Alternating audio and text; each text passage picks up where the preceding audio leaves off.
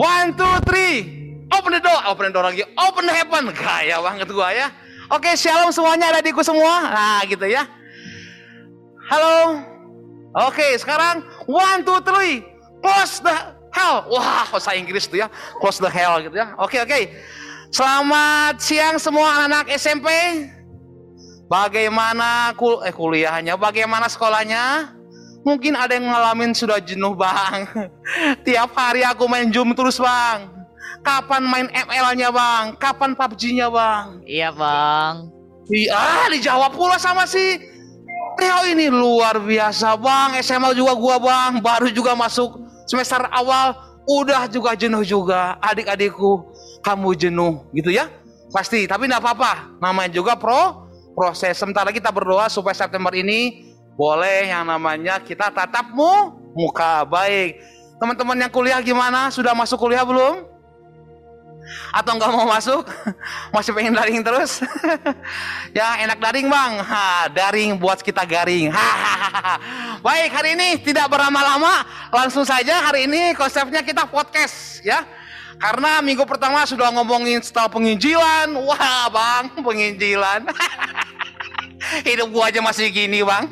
Masih banyak kesalnya. Masih banyak masalahnya bang. Masih keterikatan game bang. Ngomongin lagi pemuridan bang. Aduh sudah dua tahun nggak jalan pemuridan bang. Aduh bang memuridkan apa lagi bang. Nggak apa-apa teman-teman. Hari ini kita akan sama-sama belajar bagaimana ya mungkin bisa dibilang kiat-kiat lah. Atau bisa dibilang juga yang namanya sebuah pembelajaran. Tapi teman-teman kita sama-sama tahu bahwa Allah rindu sekali kita sama-sama uh, mengikuti kehendak Allah. Tua uh, Calvin ngomong gini katanya. Sesuatu yang besar adalah mengikuti kehendak Allah. Apa yang besar dalam hidup Allah adalah kehendaknya. Nah, hari ini kita akan bahas tentang penginjilan. Ya. Tentang penginjilan dan juga pemuridan. Karena hari ini temanya tentang fokus penginjilan dan pemuridan. Tuhan Yesus suruh fokus gitu ya bang. Maaf ya bang, saya lagi fokus belajar. Maaf ya bang, saya lagi fokus untuk ngejar level 6 di ML. Betul ya? Banyak hal fokus. Tapi hari ini marilah kita sama-sama belajar. Kita sisihkan sedikit dulu waktu saja. Sedikit dulu ya, nggak apa-apa. Kan Tuhan nggak minta langsung engkau 24 jam terus melayani Tuhan. Enggak. Tapi Tuhan rindu sekali engkau boleh menyisihkan waktumu yang ada untuk melayani Tuhan. Baik, tidak berpanjang-panjang dan lama-lama, saya undang Close the door belum. Open satu dua tiga. Bang Joshua Putra Sianturi. Baik.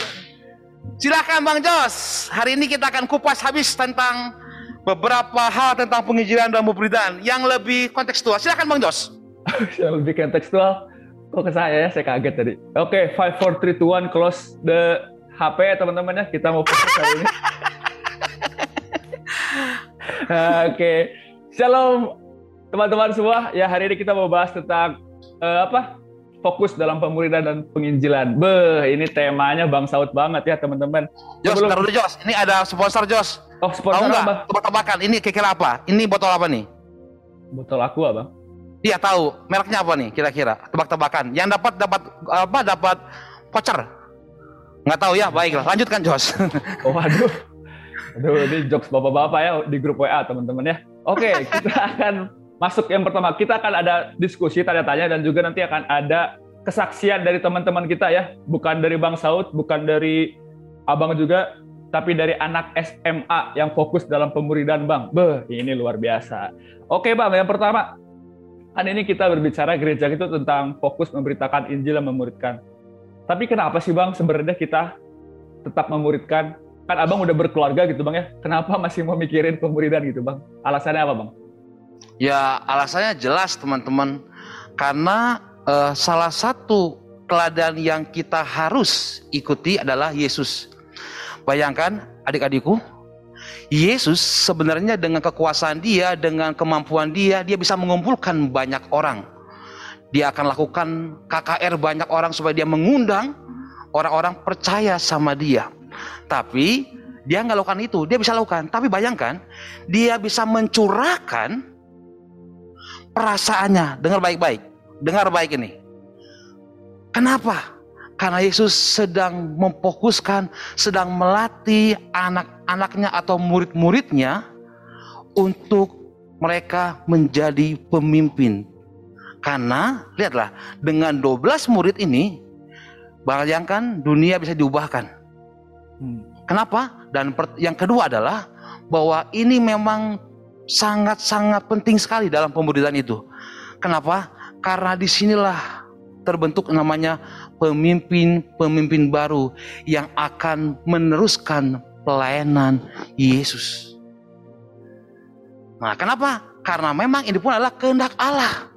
Kata saya bilang, kenapa Tuhan bilang di Matius 28 19 20? Beritakanlah Injil dan jadikanlah semua bangsa muridku. Jadi bukan emang ini kehendak Allah. Bukan Betul sekali. Berarti bang ya? Ya. Dan kita pun karena meladani, meladani Yesus, dia pun memuridkan. Bayangkan, apa yang dia lakukan pertama kali? Dia pilih pemurid loh. Dia pilih murid-muridnya. Dia doakan dan saya yakinlah dia tangisi. Lalu dia gumuli dengan 12 orang walaupun dia tahu bahwa mungkin salah satu dari muridnya akan mengkhianati dia, tapi dia bayangkan, dia tangisi murid-muridnya, dia doakan. Kenapa? Karena dia tahu lewat murid-murid lah bangsa akan dibawa kepada Tuhan. Jadi tujuannya adalah kehendak Allah. Itu hmm, saya kira Josh ada satu penting ya teman-teman kalau kita hanya sekedar jadi pengikut kita nggak akan bisa belajar jadi leader teman-teman jadi pemimpin tapi kalau belajar jadi murid kita akan belajar jadi juga dibentuk menjadi seorang leader. Luar biasa bang Saud ya. Betul jadi, karena kalau dulu, pengikut itu hanya bisa kuantitas Jos. Betul betul. Tapi kalau murid itu kita, kita sedang membangun apa? Kualitas. Luar itu dia cakep boleh gak? dikasih reaksi dulu reaksi di ah itu dia dong. Tolong dong. ya, seorang anak itu Jos itu Uh, uh, ah, ada yang kasih ah, gitu ah, jelas gitu ya. dong, luar biasa. Iya. Jadi, Jadi pemuridan itu lebih mengarah kepada kualitas, Bro, bukan kuantitas. Nah, nanti kualitas bagus akan ngikutin. Ya, kira-kira gitulah. Karena dari 12 akhirnya Injil itu sampai kepada kita ya, Bang, dari 12 murid itu ya. Dan itu sangat luar biasa berdampak. Oke, Betul, Bang. sebentar Jos. Ini ada juga supaya semakin banyak orang dijangkau pemuridan. Contoh nih, saya pernah pelajari, bukan pelajari sih, lihat sih di salah satu YouTube channel gitu ya dibilang gini kalau setiap orang memuridkan dua orang saja. Maka dalam waktu misalnya saya membayarkan dua orang besoknya uh, anak saya membayarkan dua orang maka Indonesia dengan jumlah 270 juta itu akan diselesaikan 28 hari 28 tepatnya hari? iya 28 hari kalau wow. semuanya mengembang, itu faktor namanya pekalian, pengalian. Gaya goyah pengalian ya ngomongin matematika jurusan IPS. nah, jadi fak apa? Faktor apa? Faktor, faktor pohon apa? Faktor, pohon faktor. Ah, pohon faktor. Saya selalu ah. saya kan pohonnya pohon pinus, tahunya pohon faktor ya. Yeah. Itu kalau turun dua, turun dua, turun dua, itu di tahun di hari ke-28 akan menyebabkan 278 juta empat ratus tiga puluh lima lima enam satu wah gaya ya semoga benar luar biasa ini nah itu tujuannya ini bukti bahwa Google itu emang paling pinter ya teman-teman ya. Oke okay, okay. baik sekali. Lanjut Jos. Nah itu berarti teman-teman kenapa kita perlu memuridkan karena Tuhan Yesus juga sadar dia harus mencetak pemimpin-pemimpin baru di bumi ini setelah dia meninggalkan bumi ini dan pergi ke surga. Nah bang, kira-kira kalau menurut abang kondisi pemuridan itu kalau kita fokus tuh yang ideal tuh kayak gimana sih bang kondisi pemuridan atau kondisi hari ini deh bang supaya kita bisa belajar menuju kepada pemuridan yang ideal dan yang fokus. Ya, jadi kalau abang lihat hari ini di sini mah tidak ada ya. Memang di, di tempat ini mah tidak ada. Yang ada di Zoom semua tuh di rumah masing-masing ya. jadi jadi kalau jujur kalau abang lihat report ya kita nggak usah jauh-jauh dulu ya Jos ya ke Indonesia ya. Pelajar dan mahasiswa aja bahwa ada beberapa pemuridan yang sudah tidak jalan itu yang pertama lalu yang kedua ada juga loh nggak apa-apa nggak apa-apa sama juga belajar ya. Yang maaf hubungannya kurang baik. Hmm. bahkan dua sampai tiga tahun tidak pernah PA lagi. Karena pemuridnya sungkan. Atau murid juga malu. Ah nunggu dihubungin dulu. Nggak dihubungin setahun dua tahun. Ditambah pandemik jadi kalau saya lihat data saat ini pemurid kita mungkin di bawah 100. Nah, walaupun ada juga kendala teman-teman yang uh, banyak yang belum mengisi form pemuridan. Nah, tapi kondisi sekarang dengan jumlah mungkin di, uh, di angka 3 sampai 400 orang, pemerintahan kita belum berjalan dengan baik. Jadi bahkan uh, menurut saya tidak salah sih, tapi uh, ada juga hubungannya baik, akrab. Tapi begitu Pak bahas pemuridan, mereka sudah mulai enggan. Itu kondisi pemuridan di Gereja Kristen Kemah Daud Bandung Pusat. Oh, okay. kira gitu, Mas. Jadi data ini menjadi gambaran ya. Jadi kalau betul sekali hari ini uh, apa melihat bagaimana kondisi pemerintah kalau misalnya emang lagi terseok-seok tidak apa-apa. Justru karena hari ini kita mau belajar bareng-bareng ya, Bang ya. Betul hari sekali. Pak Aris memberitahukan bahwa yang memuridkan dan yang dimuridkan adalah pribadi yang sama-sama sama-sama belajar. Oh, belajar. Itu dia teman-teman. Bener, Bang. Oke, Bang. Nah, kira-kira di Bang ini kan ada SMP, ada SMA yang ikut Zoom ini ada yang kuliah, ada yang bekerja, ada juga yang sudah berkeluarga. Kira-kira bang paling ideal itu umur berapa bang kalau saya mau memuridkan? Ada nggak sih kondisi umur ideal kalau mau memuridkan? Kalau bicara soal umur sih kayaknya nggak ada ya. Malah doa kita sama-sama kan yang SMP memuridkan eh SMP, ah, yang SMA memuridkan SMA tapi memang juga ini butuh namanya pengalaman dengan Tuhan atau mengalami kedewasaan sama Tuhan. Jadi gak ada ide saya selama kamu. Nah, cuma pertanyaan gini Jos, kan kebanyakan orang kenapa nggak mau murid, nggak mau memuridkan? Karena selalu jawabannya pasti aja, Bang belum siap. Pertanyaannya kapan siapnya? Bang, aku nggak sanggup bang. Aku kan masih SMP bang. Padahal Kenapa? Karena mungkin juga dia merasa bang, gua belum sempurna. Hei, sempurna mah bukan milik kita, milik Allah. Kesempurnaan mah milik Rizky Febian. Oh ya, kesempurnaan cinta bang ya? Iya, Betul karena sama-sama belajar bro. Eh, jadi nggak juga pemurid lebih lebih dewasa, lebih sempurna enggak. Gua punya anak PA namanya nggak usah sebutin nama, namanya Berto aja sebutin aja. Itu ya. sama bang. Eh, salah ya? Gue iya, sebut iya. Mawar aja ya. Mawar. Dia kali-kali negur saya juga kok. Nggak apa nggak sungkan-sungkan. Lagi belajar kok. Kalau gua sempurna, gua nggak akan jadi kayak pembicara. Gua jadi penyanyi bro. Kayak Rizky Febian bro. Kayak gitu lah. Oh. Nah, jadi oh, belajar sama juga, Jos. Betul. Apa? Belajar. Kalau abang sempurna bisa terbang, bang. Abang malaikat. Iya, udah nggak di sini lagi, udah dipandu nomor 13 kira-kira gitu. Benar ya nomor 13.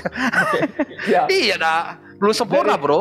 Jadi teman-teman itu kalau teman-teman pengen punya hati untuk memuridkan, tadi kalau kata Bang Saud harus ngalamin perjumpaan. Kalau bahasa Inggrisnya apa, Bang? Perjumpaan, Bang? Eh, uh, ah, Tuhan Yesus. Oh, journey, journey. Kok journey sih? Encounter, encounter, encounter. Oke. Okay. Uh, Oke, okay, experience salah salah. Okay. okay, experience. Experience with God. Translate aja, Bang. Apa? Oh, Google Translate. Oh, ini mau ikut-ikutan si Theo. Aduh, udah nggak tahan dia ya. Jadi teman-teman kalau mau belajar memuridkan, teman-teman harus belajar ada experience, ada encounter dengan Tuhan dan percayalah teman-teman tidak ada satupun di antara pemurid yang sudah memuridkan hari ini adalah pemurid yang siap ya bang ya. Betul. Karena karena gini Jos, menurut saya gini juga. Kenapa kita semua muridkan?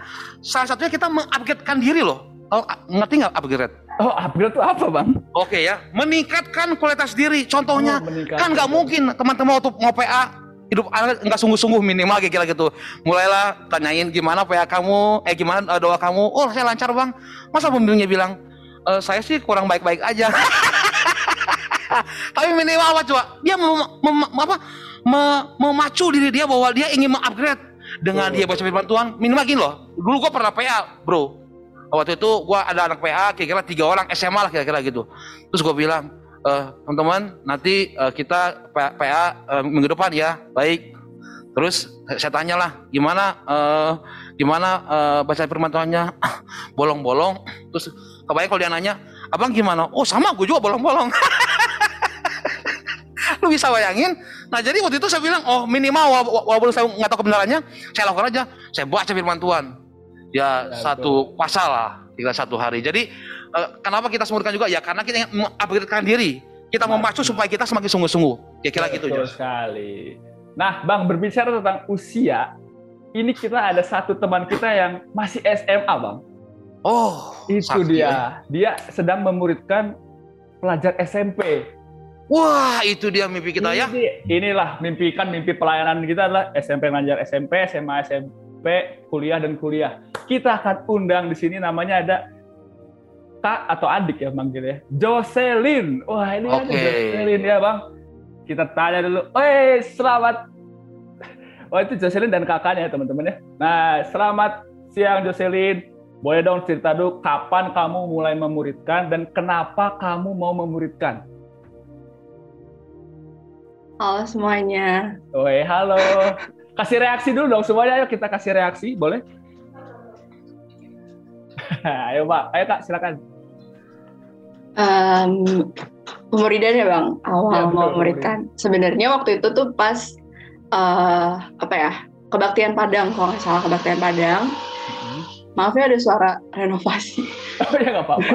Berarti hidup kamu sedang dibangun serupa seperti Kristus. Wesik, bisa aja. Gitu. Terus Akal. pas kebaktian Padang disuruh sama Bang Saud sama Bang Jos buat eh, coba dong ngeliatin anak-anak dari yang kebaktian Padang ini dan anak-anak Tora kayak gitu kan. Terus kayak coba perhatiin dari salah satu anak ini. Nah terus di situ tuh nggak tahu kenapa ada Gebi eh, anak aku Gebi ya gitu. Terus ya di situ eh, nggak tahu kenapa ya jadinya apa ya dibikin Tuhan jadi eh, nggak tahu kita jadi enak buat ngobrol kita dibikin jadi seneng gitu ya pas di kebaktian Padang Hmm. itu. Nah dari situ awalnya aku belum ngomong nih sama ibu PA aku kayak kak gimana ya kelanjutannya apa aku harus memPA-kan atau seperti apa kan nah, terus awalnya masih takut karena eh, aku masih SMA nih aku kayak aku masih merasa tidak layak untuk memuridkan orang So, lain aduh, takut kita Jo. gitu Takut ya? terus ya kayak aduh Nah dia kira kayaknya mau berantem kali sama anak PA-nya kali ya, makanya dia takut kali ya. Kayak gitu terus ya di situ aku juga ngobrol sama mama ngobrol sama kak Juju juga Uh, kayak keren. gimana ya kak aku harus seperti apa Kayak berdoa nggak? kelanjutannya. Berdoa dulu nggak? ya berdoa berdoa dulu Sama seperti Yesus bang berarti luar biasa. Iya sudah Doa. sama doanya awal doang Yos. Kelakuannya mah masih menuju kesempurnaan ilahi. Nah, kira-kira gitu lah. Lanjut, Silakan, lanjutkan. Oh, terus ya berdoa tapi eh, sebenarnya Kak Fiona pun kaget gitu awalnya kok cepet banget ngambil keputusan buat ngepain gitu kan. Tapi eh, di tahun sebenarnya pas udah udah mempeakan segala macam, aku tuh nanya sama Tuhan Tuhan eh, sebenarnya kenapa sih alasan aku mau bisa atau ngepain sama Gaby? Ini dia teman-teman. Kita kayak gitu kan kenapa sih kayak gitu dan satu saat aku cerita di saat aku main eh ada rasa di mana ya apa ya seneng so, apa ya sukacita gitu di saat aku bisa muridin seorang kayak gitu. Dan apa eh, mungkin eh, dari Gaby yang rasain dulu yang mungkin aku kadang banget eh, jujur bingung buat cerita. Tapi di situ Gaby mau cerita sama aku. Dia cerita tentang apa yang dia apa apa yang dia laluin sama hidup sama hidupnya kan. Kayak gitu. Dan aku ngerasa oh apa ini ya Tuhan eh, banyak banget hal kesamaan aku sama Gaby gitu. Yang bikin eh, aku serak gitu kan sama si Gaby, eh, sama Gaby kayak gitu. Di situ aku aku bilang kak eh, aku ternyata dapet alasannya loh kenapa aku bisa mau, Be- mau memeritin sama eh, aku bilang ke Kak Vio kalau aku kenapa ya alasan aku bisa ngepain Gaby di situ. Dan di situ eh, ya apa ya rasanya hari-hari ini ya puji Tuhan rasanya senang sukacita. Aku bisa eh, apa ya ngebagiin sesuatu eh, hidup aku karena sebenarnya aku nggak bisa langsung ngomong kayak gini aku lebih suka personal gitu ya lebih suka, Hmm. suka buat ngomong kayak gitu dan eh, puji Tuhan sampai saat ini aku bisa meritin Gaby gitu deh Puji Tuhan. Keren, Tepuk tangan. ada kata kunci Yos. Sukacita dan bahagia. Kenapa? Dia. Kenapa? Lo kan kehendak Allah, Bro. Betul. Karena kendak Allah tuh kekal ya bang, nggak cuma sementara ya bang ya.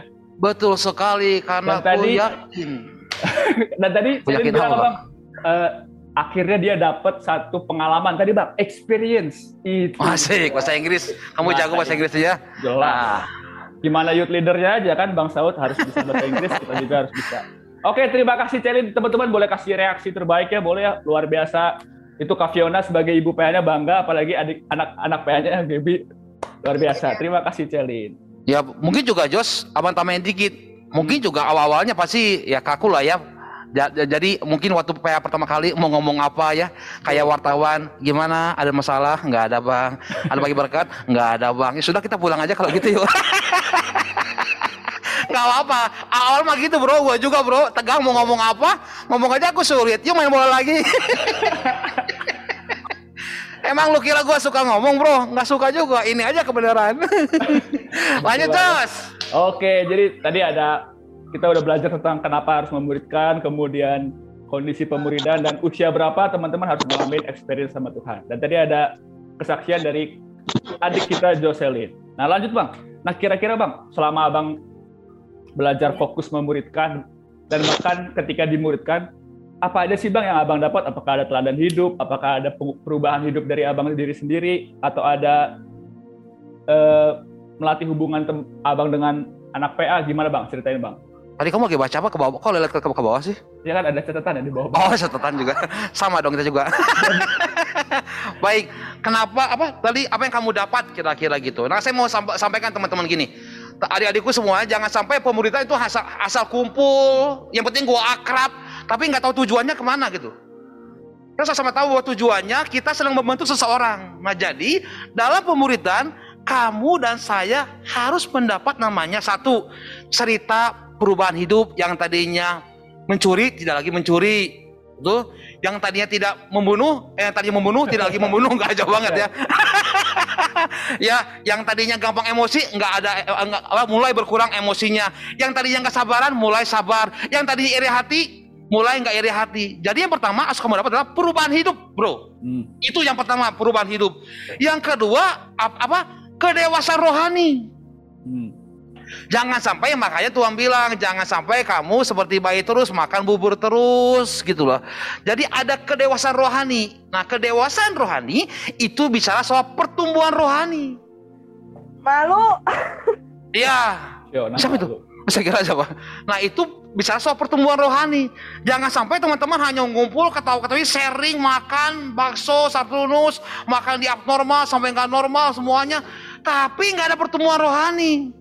Hmm. Nah yang ketiga paling penting nih, kamu harus ngalami namanya pembentukan karakter, bro. Hmm. Harus itu. Jadi maaf ya, jangan sampai pemurid dan yang dimuridkan sungkan untuk menegur Lo bisa bayangin nih, gue mau ngasih tahu sama teman-teman semuanya. Ingat nggak? Saking Yesus, bayangin Yesus saja bersama-sama tiga setengah tahun dengan murid-muridnya. Lah kita sebulan sekalipun kadang kita lupa. Ya, nah, apa yang Yesus lakukan? Bayangkan, waktu Yesus mau disalib, dia ajak tiga orang murid-muridnya di tengah kesedihan dia saja, dia ajak muridnya. Ketika dia mau mati rasanya, dia ajak murid-muridnya. Nah ini bisa soal apa? Bicara soal hubungan. Jadi di pemurid dan harus ada juga keterbukaan antara pemurid dan yang dimuridkan. Nah jangan juga sampai kita suruh orang yang kita muridkan terbuka, tapi kamu nggak terbuka. Gue pernah ngalamin gitu loh, Jos. Hmm. Gue kayak harus, jujur gue stres, bros. Stres banget gue PH minggu pertama tanya ada masalah? Nggak ada bang. Baik-baik aja bang. Ayah kamu baik-baik aja baik-baik saja bang. Kerjaan gimana? Kerjaan lancar-lancar juga bang. Oh ada lagi pertanyaan nggak? Kalau nggak saya mau pulang nih. Saya udah bingung lagi mau nanya apa lagi. Gua stres jos. Tapi setelah gua ngerti akhirnya lama kelamaan gua bagiin lah masalah gua bro gua bagiin loh gua ada masalah sama kerjaan tiba-tiba dia ngomong ini iya bang gua juga bang ada masalah di keluarga gua kenapa ya orang tua gua ada masalah lah terus ekonomi juga mau mulai terbuka Nah jadi di pemerintahan juga harus ada keterbukaan, ya. Jadi nggak asal ngumpul yang uh, ngumpul apa makan nggak makan yang penting ngumpul enggak, tapi ada sebuah pertumbuhan, ada sebuah kedewasaan, ada sebuah keterbukaan, ada cerita perubahan hidup. Hmm. Lalu juga namanya juga sedang melatih yang namanya hubungan yang terakhir adalah di pemuridan harus ada namanya pertobatan. Nah, iya, betul. Cakep nggak? Cakep. Soalnya tulis kolom komentar cakep. Oh, makasih, teman. Ada beberapa hal yang teman-teman nanti kalau ada yang mencatat ibadah hari ini, ada teladan hidup, ada cerita perubahan hidup, ada hubungan yang dalam, ada pertobatan, ada teguran dan ada keterbukaan. Itu teman-teman. Betul. Jadi teman-teman kalau hari ini pemuridannya masih ada yang belum ada dari area itu, ya namanya juga sama-sama belajar. Justru hari ini sampai besok sampai minggu depan kita sama-sama belajar jadi pemurid dan murid yang sesuai dengan kebenaran firman Tuhan. Luar biasa sekali Bang Saud. Oke Bang, kira-kira selama abang memuridkan, selama abang belajar untuk fokus memuridkan, biasanya ada kendala kan bang ya? Karena ah ini ini ini. Dalam hidup ini kan tidak mungkin ini ada, dia. tidak ada masalah bang. Ya? Ini dia Yos, ini dia Yos, ini dia Yos. Ini dia. Nah, kadang-kadang pemurid yang membatalkan PA loh. Nah paling banyak ini Yos, paling banyak gua tanya sama beberapa orang, bahkan bahkan gua sendiri soal waktu. Oh jadi masalahnya waktu bang ya? Ya karena gini pemburitan itu harus eh sebentar dulu. Pemuridan itu jangan sporadis. Jangan tak ada tujuan, tapi harus ada tujuannya. Nah, gua contoh, gua gua ya dulu ya dulu ya. Sekarang mah sedikit lah masih. Jadi kalau misalnya hari ini PA nih gua nih hari hari Minggu nih, lu nanti bilang gini, biasanya nih ya kita semua ngaku lu semua lu. Hmm. Bilang gini, "Bang, kalau murid nanti WA-an aja." Enggak sih jamin kurang bakal batal, Bro. Sering gitu loh. Saya Betul. ngalamin loh. Jadi kalau saya pribadi sekarang contoh nggak sebutin namanya ya, Jojo dan si Immanuel misalnya Itu gitu bukan ya. nama bang ya. Oh, oh salah ya. Ya, Saya bilang, Jo, nanti Sabtu, dah, pokoknya minggu kedua dan keempat kita PA ya. Nah, sudah ditetapin. Nah, Oh. itulah masalah utamanya. Waktu, padahal waktu kan sama-sama 24 jam, betul nggak sih bro? Betul sekali. Emang ada 28 jam bro? Lu Nggak kalau ada, ke Bang. bulan juga sama 24 jam juga bro. Kayaknya sih gue pernah pernah ke bulan. Nah, jadi pertama salah waktu. Jadi teman-teman tentuin aja waktunya. Nah, kadang-kadang juga yang kedua, Jos. Apa, Bang? Gua merasa nggak layak. Aduh, gua malas. Nah ini ada kata malas ini bro. Nah gua pernah pengalaman bro.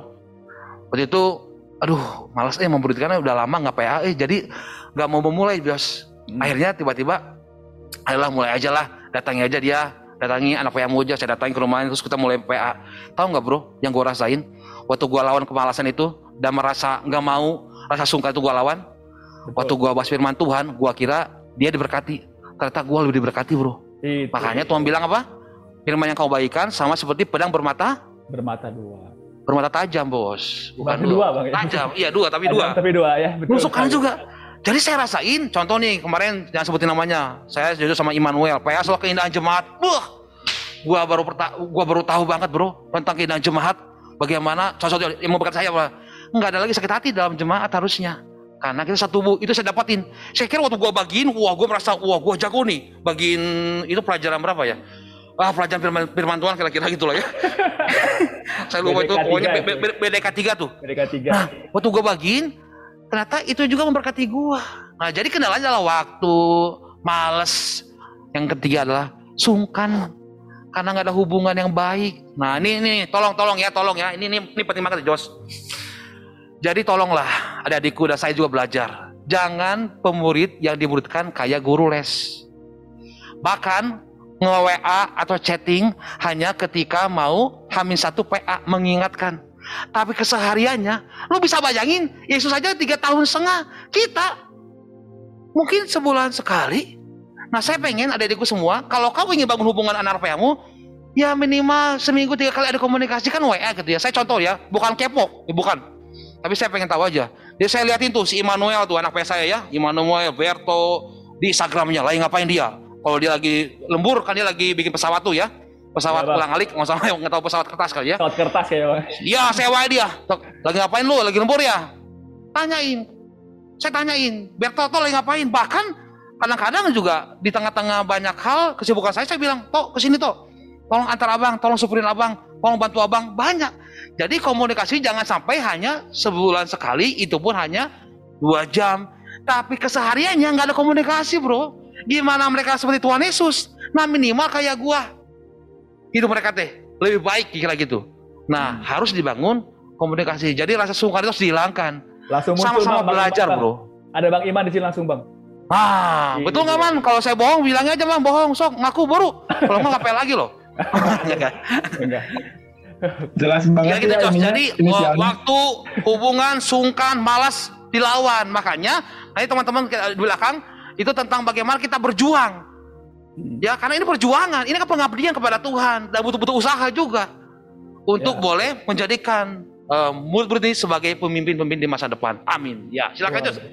Oke bang, mantap. Jadi kendalanya biasanya waktu ada dan, dan juga males ya. Dan kadang biasanya juga saya gitu bang, kalau misalnya Sabtu PA ya jam 8. Terus saya berharap tuh anak PA jawab, aduh bang nggak bisa. Jadi Jadi bi- biar kamu bukan dari kamu nggak batalin ya.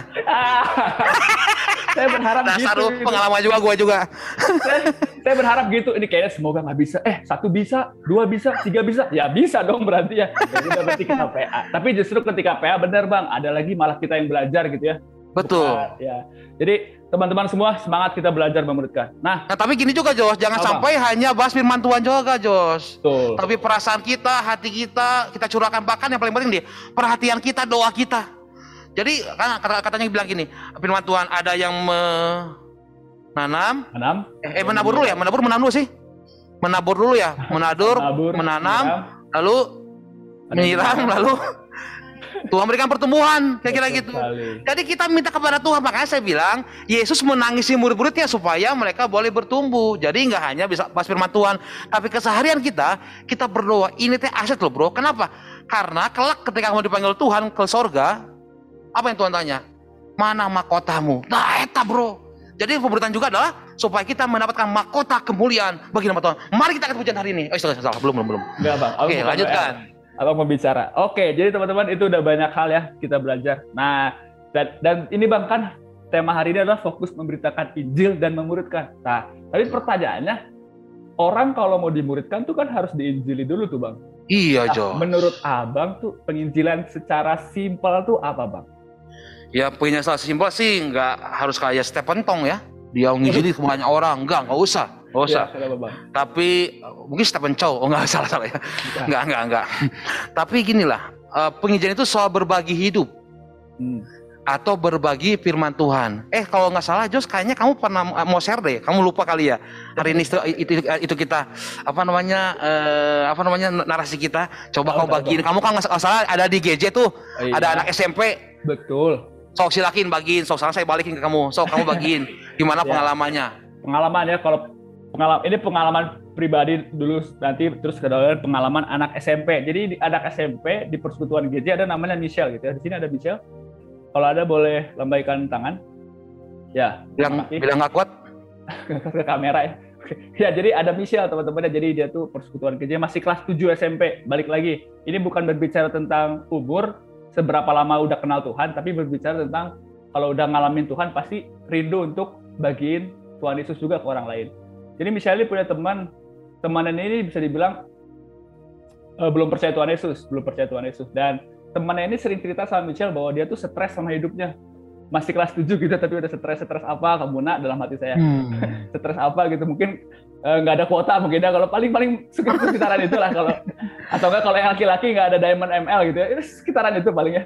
Jadi stres apa gitu tapi ternyata dia cerita sama Michelle bahwa dia stres dan dia sering bilang bahwa saya kayaknya mending mati aja deh saya kayaknya mending meninggal aja deh terus dia tuh punya kecenderungan kalau dia lagi stres dia sering menyayat-nyayat tubuhnya di sini pakai cutter atau pakai Ya Tuhan. pakai pakai cutter lah ya, pakai apa lagi atau kan pakai itu saya kurang tahu. Jadi ada namanya kayak katanya itu bisa membuat seseorang jadi lebih tenang. Jadi kelas 7 loh teman-teman. Udah SMP kan ada? SMP bang, udah ngalamin depresi seperti itu. Jadi mungkin Ya teman-teman berpikir bahwa ah nggak di, luar- di luar di luar rumah kayaknya nggak ada deh. Tapi coba teman-teman perhatikan pasti ada gitu. Dan si Michelle ini deket sama dia. Dan setiap hari Michelle ini ngasih tahu bahwa eh jangan kayak gitu. Tuhan tuh punya rencana besar buat hidup kamu. Tuhan tuh punya punya punya maksud dan tujuan buat hidup kamu. Terus dia sering sharing ayat firman Tuhan sama teman yang belum percaya Tuhan Yesus ini. Dan teman yang ini bilang sama Michelle bahwa Michelle terima kasih ya karena kamu saya jadi punya kecenderungan eh, bunuh dirinya lebih sedikit lebih turun gitu. Dan kalau Hmm. misalnya ada apa-apa nanti aku boleh cerita sama kamu. Dan Michelle juga terbuka kalau ada apa-apa kamu ceritanya sama aku. Aku nanti kasih ayat firman Tuhan untuk meneguhkan kamu supaya kamu bisa semakin percaya Tuhan. Bahkan di persekutuan gereja dia nanya bang boleh nggak sih menginjili buat orang yang belum percaya Tuhan? Eh justru boleh justru untuk itulah kamu ada. Jadi itu teman-teman ya jadi kalau berbicara tentang umur gitu ya justru ketika dia lagi sharing tersebut saya yang jadi pemimpin persekutuan langsung tertegur mana Ira penginjilan terakhir dalam hati itu iya iya betul juga ya. Gitu teman-teman ya jadi ada beberapa hal yang bisa kita kerjakan seperti membagi hidup. Justru ketika saya di pekerjaan juga saya pernah di satu hari ketika lagi jam istirahat ada teman saya juga belum percaya Tuhan. Dia bilang aduh saya malas banget nih sama bangun pagi besok. Kenapa? saya bilang. Karena nggak ada tujuan di kerjaan ini. Oh nggak ada tujuan. Saya coba nyelutuk ini teman-teman. Santai aja bro. Tuhan punya rencana luar biasa buat hidupku. Belum percaya Tuhan. Terus dia bilang ah ya kamu bisa ngomong gitu. Akhirnya di titik itu saya bisa sharing pengalaman saya kenal Tuhan dan gimana saya setiap hari bangun walaupun emang capek tapi saya bisa menghadapi hidup ini dengan luar biasa karena saya percaya sama Tuhan nah itu adalah bagian dari kita belajar menginjili belajar kita peka sama orang lain bahwa mau berkenalan sama orang baru, mau berbaur itu untuk saling sharing itu penting banget buat anak-anak muda. Apalagi kan sekarang kita online ya, nggak ada teman sebangku ya.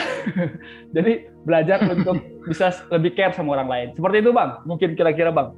Ya, poinnya sih ketangkep Jos. Jadi ya kamu bagi firman Tuhan, nggak harus bilang eh, teman te- eh, ke teman sama kamu atau sekarang teman ya online kamu bilang eh, eh, bro Yohanes 14 ayat 6 nggak usah ngomong gitu. Cukup gitu. aja. ya itu. Yang kedua ada itu pertama firman Tuhan. Karena yang saya percaya katanya apa? Firman Tuhan yang pernah disampaikan tidak akan pernah kembali dengan sia-sia. Nah yang kedua tapi poin yang penting. Kenapa? Hai adik-adikku semua. Friend guys. Ini gue mau kasih tahu dulu sama lu semuanya. Kita anak Tuhan pasti dicari minimal pengen tempat cur curhat. Itu udah wajib bro. Itu udah wajib banget. Dan jangan jangan aneh jangan kaget kalau teman-teman tiba-tiba teman-teman ada yang pengen curhat. Teman sebangkunya teman sekolah teman sekelasnya. Itu itulah kesempatan kita untuk nah, yang ketiga berbagi soal hidup. Jadi kenapa dia nggak nyontek? Kenapa dia nggak ngomong kasar? Kenapa dia nggak benci sama gurunya? Nah dilihatlah hidupnya. Itulah yang namanya penginjilan. Kira gitu Jos Entah belajar berbagi apa yang udah kita terima itu pribadi Yesus ya Bang ya. betul Gitu sekali ya. Oke, teman-teman, itu sudah sebuah jadi teman-teman tadi kita udah belajar kenapa perlu memuridkan karena kita akan menghasilkan leader, kemudian kondisi pemuridan kita buat teman-teman yang belum idealis sama-sama kita belajar, kemudian ada keterbukaan, ada keteladan hidup, ada perubahan, ada melatih hubungan, ada cerita, dan kemudian ada frekuensi yang dibangun di mana kita untuk sama-sama belajar semakin serupa dengan Kristus. Dan Pak itu Yos, sebentar Yos, sedikit Yos. Apa? Tadi kamu Apa? so ngomongin soal frekuensi. Nah, Nah, ada adikku dia. sekali. Nah, ini penting banget teman-teman. Katanya gini, ada sebuah survei men- apa, menyatakan katanya ya, semoga ini juga menjadi sebuah intervensi buat kita semuanya. Katanya kalau hanya pemuridan sebulan sekali, tampaknya pemuridan tidak terlalu penting. Ya bayangin Yesus tiga setengah tahun berhari-hari loh, bahkan tidur, makan, lagi bangun Yesus gitu mungkin ya di sana di Yerusalem. Yesus lupa gosok gigi mungkin gitu ya. Ih bau banget ya napasnya kata itu. Bayangin sampai tiap hari sampai detak jantungnya pun dia tahu sampai baunya pun dia tahu. Nah kita sebulan sekali satu jam doang. Nah adik-adikku mari. Untuk membangun hubungan yang baik itu perlu. Perlu namanya intensitas. Program jadi ayo sama-sama yang baru sebulan sekali nggak apa-apa tapi kita coba naikkan minimal dua minggu dua kali dalam sebulan. Karena PA itu adalah penting. Karena bagi saya eh, pemerintah itu penting sekali penting sekali. Karena dari sinilah akan muncul namanya bibit-bibit baru dan orang-orang yang akan meneruskan pelayanan youth ini kira gitu Oh, Jos oke. Jadi frekuensi berbicara tentang prioritas ya. Membuktikan betul bahwa kita sekali tuh- membuktikan bahwa kita tuh fokus untuk memuridkan. Karena kalau bisa dibilang sebulan sekali ya itu jadinya cuma waktu sisa ya bang ya. Betul. Waktu sisa. mungkin juga supaya laporan aja ke itu ke apa ke kantor gereja mungkin di sini mah nggak ada nggak ada nggak ada di Zoom banyak tuh tuh tuh tuh tuh, tuh. Tuh orang-orangnya tuh tuh tuh Oke teman-teman.